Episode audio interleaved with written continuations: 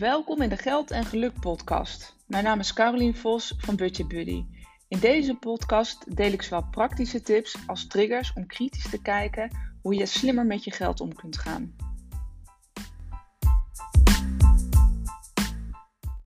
Hey, welkom bij weer een nieuwe aflevering van de Geld en Geluk podcast. Ja, goed dat je weer luistert. En uh, het is natuurlijk november podcastmaand, dus elke werkdag zet ik er een live. Nou, vandaag is het vrijdag, de 11e van de 11e, een bijzondere dag. Um, en dat is in ieder geval de laatste voor, dit, voor het weekend. En dan uh, mag, ik maandag, uh, mag ik maandag weer. En ik moet eerlijk zeggen dat ik het ritme er inmiddels wel weer uh, een beetje in heb. Dus um, ik vind het ook eigenlijk heel leuk om elke dag um, nou, even een kwartiertje, het is ook niet heel veel langer, tegen je aan te kletsen, dingen tegen je aan te houden. Dus ik hoop ook dat jij het waardeert. Nou, waardeer je het, dan mag je me ook waarderen met, met wat sterren of een review achterlaten. Vind ik altijd leuk, maar voel je vooral niet verplicht. Um, maar goed, lange inleiding en daar wilde ik het eigenlijk ook helemaal niet over hebben. Ik heb vanmorgen een nieuwsbrief uh, gestuurd naar de mensen die op mijn uh, e-maillijst staan. Um, met eigenlijk het onderwerp, of eigenlijk het onderwerp dat wat heel erg speelt altijd in deze periode, november. Ik weet niet hoe het met jou zit, maar ik heb al best wel wat uh, berichten binnengekregen uh, van premies die omhoog gaan voor 2023. Nou, dit is dan ook altijd het moment. In november uh, is het wat mij, in, in, mijn business altijd druk. Want dit is ook altijd het moment om goed naar je nou ja, financiën te kijken. Om weer een jaarplanning te maken.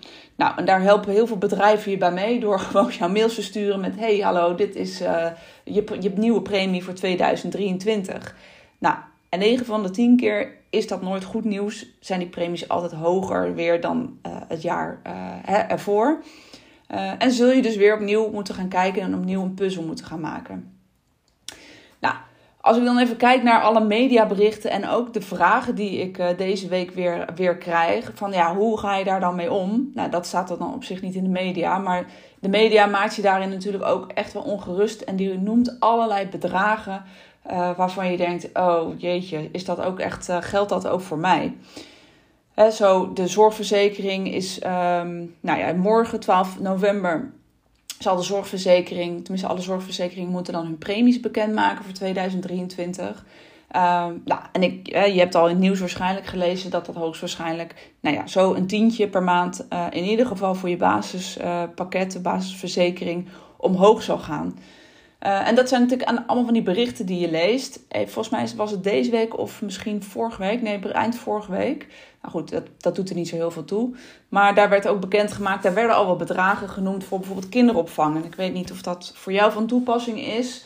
Maar dat was ook nou niet per se heel positief nieuws. En natuurlijk allemaal begrijpelijk. Uh, want in een kinderopvang uh, hebben ze ook te maken met, met alle stijgende prijzen van energie, van, van eten, van de boodschappen en uh, noem het allemaal op.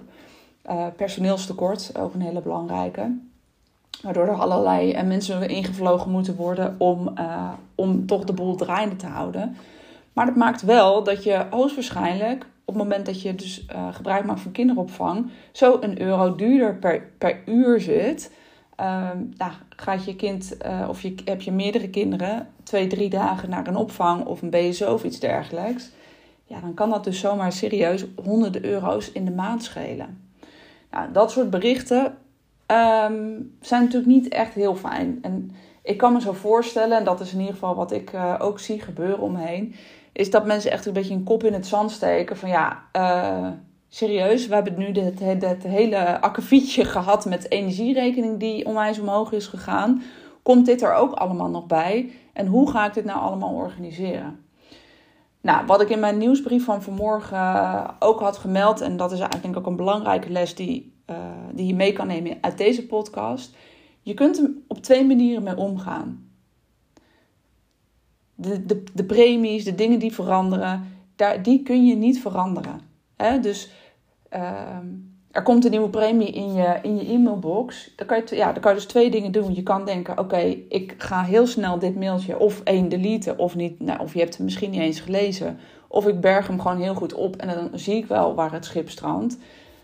Dat lijkt natuurlijk een fijne optie, want ja, wat er niet is, dat, dat is er ook niet. Alleen je snapt natuurlijk zelf ook wel dat je dan uiteindelijk ergens een beetje in de knel gaat komen. Op het moment dat het niet alleen meer over de energierekening gaat, maar ook over water. Uh, straks de gemeentebelasting. Nou, dat is misschien, hè, die, die was niet genoemd in de media. Um, of je WOZ-waarde, die, uh, je, dus de, uh, wat je daar voor de gemeente voor moet betalen, gemeentebelasting.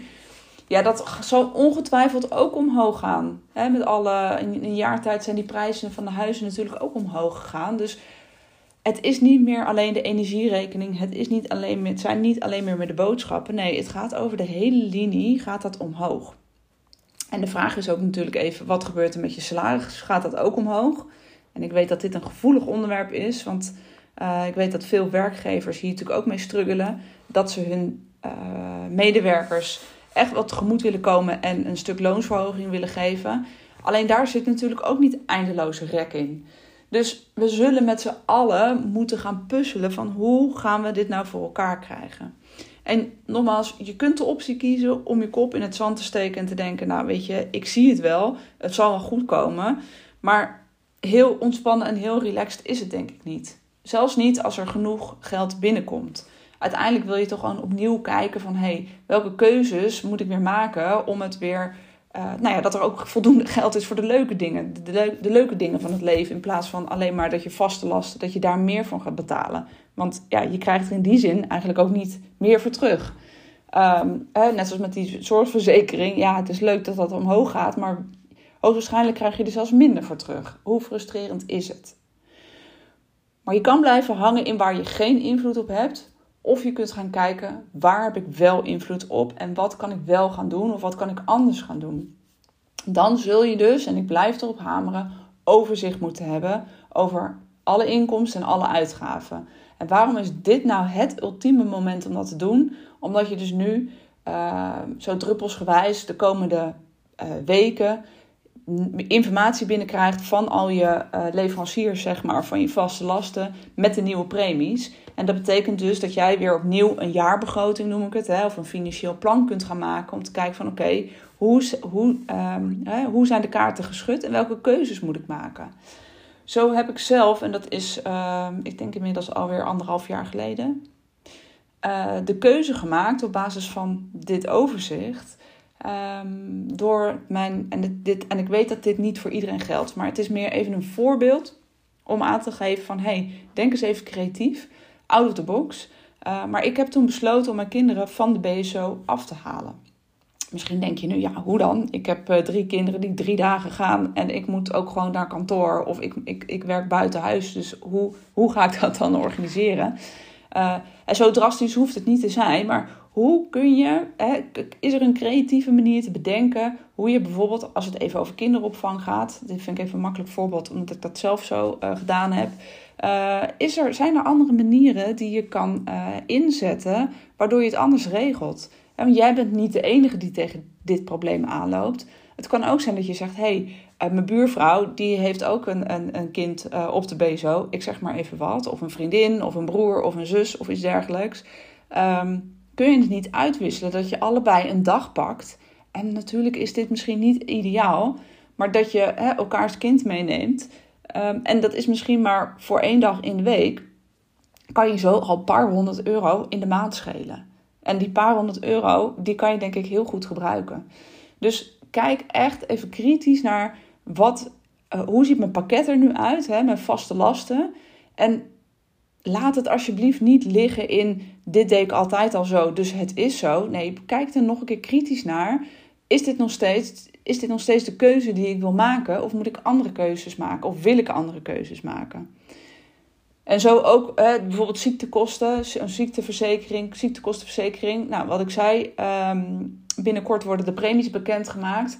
En ik weet het, het is een saai, suf klusje om hier naar te kijken.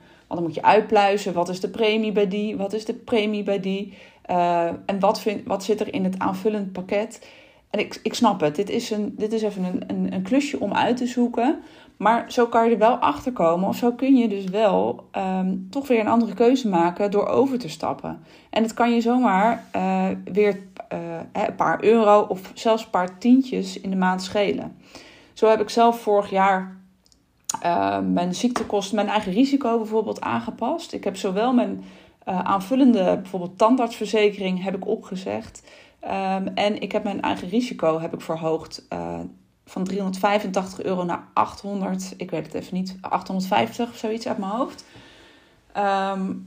Het, dit zou ik niet iedereen per se adviseren, maar dat, dit was voor mij een bewuste keus, wat mij echt best wel veel geld uh, per maand heeft opgeleverd.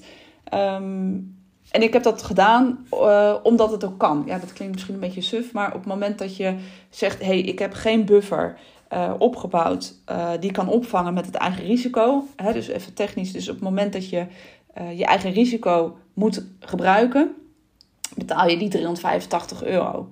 Nou, dat is best een behoorlijk bedrag. Um, en in mijn geval is dat 850 euro. Nou, ik heb zelf even een risicoanalyse gedaan van hoeveel heb ik verbruikt de afgelopen jaren. En kwam tot de conclusie dat ik dat echt nooit heb gebruikt.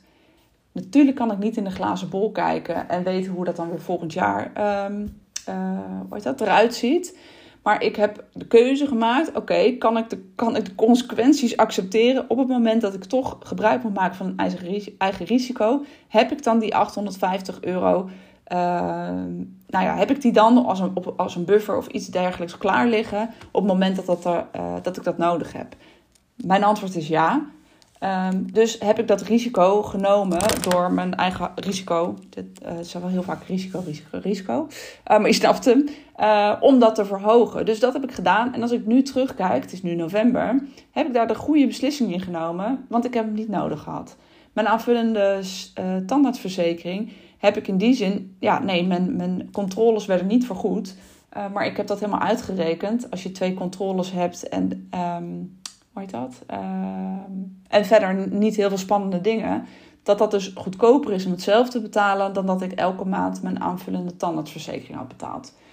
Nou, dit zijn even tips en je kunt dus, je kunt dus ook je, je zorgverzekering vergelijken. En ik zou dat ook echt Um, ik zou dat ook echt gaan doen, want dit kan echt ook wel een hoop gaan schelen. En nogmaals, misschien is het tientjeswerk, maar dat tientjeswerk heb je wel weer nodig om je energierekening te kunnen, of een deel, deels te kunnen opvangen. Um, en kijk dus echt even goed naar al die vaste posten, want daar gaat het om. Al die premies die nu uh, omhoog gaan, kijk daar kritisch naar van, hey, hoe kan ik uh, nou ja, is het een feit? Of kan ik het anders doen? Of zijn er andere keuzes? Kan ik overstappen naar iets of iemand anders? Uh, waardoor, het, uh, nou ja, hè, waardoor het voordeliger is. En kan ik creatief, out of the box, ehm, toch krijgen wat ik wil. Hè? Dat voorbeeld van die kinderopvang. En kijk dus even zelf naar wat voor een vaste lasten je hebt. Um, hè, dat ik wel nog steeds oppas heb, maar dat het dan op een andere manier is. Het kan ook zijn dat je een, een oppas aan huis hebt dit klinkt als een luxe, decadente optie. Maar ik denk eerlijk gezegd, zeker op het moment dat je meer dan één kind hebt, uh, misschien neem je het kind van de buurvrouw er ook wel bij, dat, je, dat dit misschien nog zelfs een goedkopere optie is dan kinderen naar een BSO of kinderopvang te brengen. Dus kijk hier opnieuw naar uh, en maak inderdaad voor jezelf het overzicht in wat komt er binnen, wat gaat eruit en wat betekenen alle veranderingen. En zorg daarin dus dat je zelf in de lead bent. Dat je niet als een struisvogel onderduikt, je kop in het zand steekt. Maar ga aan de bak hiermee. Dus ik hoop dat ik je een beetje heb aangezet. En in ieder geval wat voorbeelden, praktische voorbeelden heb gegeven van hoe je dat dan kunt doen. En het is, nee, het is misschien niet het leukste klusje. Maar het is gewoon een kwestie van, als je, dit, als je hier even op een regenachtige zondagochtend of iets voor gaat zitten. Dan is het gewoon een kwestie van één keer doen en je zult zien dat je heel 2023 daar profijt van hebt. Dus ik wens je veel succes en ga het ook echt doen.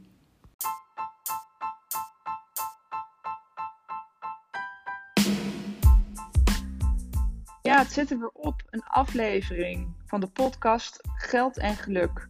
Bedankt voor het luisteren. Ik waardeer het altijd enorm.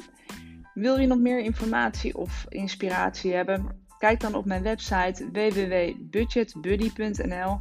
Daar kun je onder andere mijn e-book downloaden, waar ik vijf gouden tips met je deel hoe je meer geld overhoudt om opzij te zetten. Of volg me op Instagram budgetbuddy.nl.